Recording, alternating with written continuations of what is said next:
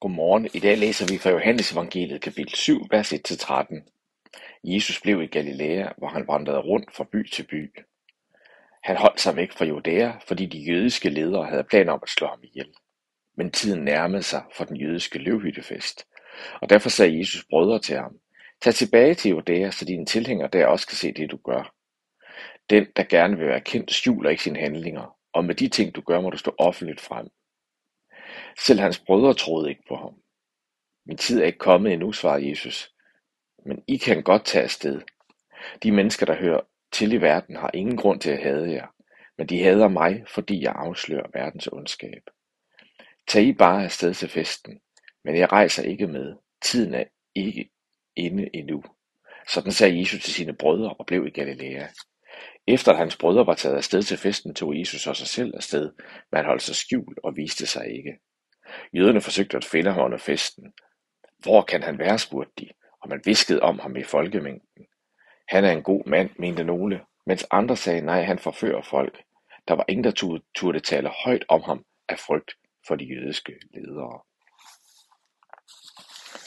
Jesus er i gang med sin offentlige tjeneste, hvor han er undervist og forkyndt og helbredt og udfriet mennesker og omgivelserne reagerer på ham. Og nu er han i Galilea, hvor det hele det er begyndt, og, og er tilbage der, efter at have været nede ved Judæa, altså nede i området, hvor Jerusalem også er. Og jo længere han kom, jo tættere han kom på Jerusalem, jo tættere han kom på Judæa, jo tættere kom han der, hvor at dem, der ville have magt og myndighed, de var. Så Jesus er taget tilbage til Galilea, fordi han vidste, at konfrontation var uundgåelig. Før eller siden vil der komme en konfrontation mellem ham og de jødiske ledere og vi, også de romerske myndigheder, men tiden var endnu ikke til den konfrontation. Men alligevel kan vi se, at den er helt uundgåelig. Og som der står her, selv hans brødre, altså hans halvbrødre, troede ikke på ham. De forsøgte nærmest at lokke ham til at tage ned til Judæa og, og få den konfrontation øh, kaldt frem. Men det var tiden ikke til. Men alligevel kan vi fornemme på alt, hvad der sker omkring Jesus her, at det er uundgåeligt.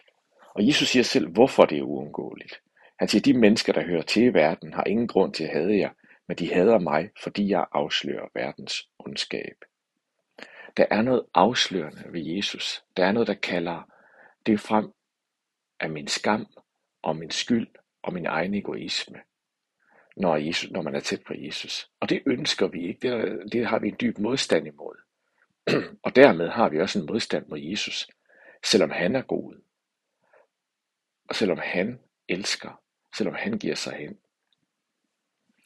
Men Jesus ved, at det eneste, der virkelig kan hjælpe os, det eneste, der virkelig kan redde os, det eneste, der virkelig kan frelse os, det er, at han får lov at kalde det der frem. At det så at sige bliver fremkaldt i os. Så vi kan give det til ham. Fordi han ikke fordømmer os fordi han i den konfrontation siger, ja, det er forkert. Du er en sønder. Du er et brudt menneske. Du har skam og skyld og brudhed i dit liv. Men jeg fordømmer dig ikke. Det er sådan en dobbelt konfrontation. Vi afsløres på den ene side, og det vi bærer med os som mennesker afsløres, men vi møder også Guds tilgivelse i ham. Men indtil vi når hen til det punkt, der kan vi bære meget modstand i med os. Og det er også kendt i kirkens historie. Der er mange eksempler på det, både i Bibelen og i kirkens historie, på mennesker, der har oplevet den her modstand, indtil de endelig overgav sig til Jesus. Fordi der var ikke andre steder at gå hen. Godt nok afslørede han mig, men det var også der, jeg mødte den tilgivelse, forsoning, helbredelse og kærlighed, kun han kan give. Lad os bede sammen. Far i himlen, tak at du ønsker afsløring. Du ønsker, at sandheden om vores liv kommer frem. Både de gode sider og skyggesiderne. Og tak, at i den afsløring, der fordømmer du os ikke. Men du tilgiver.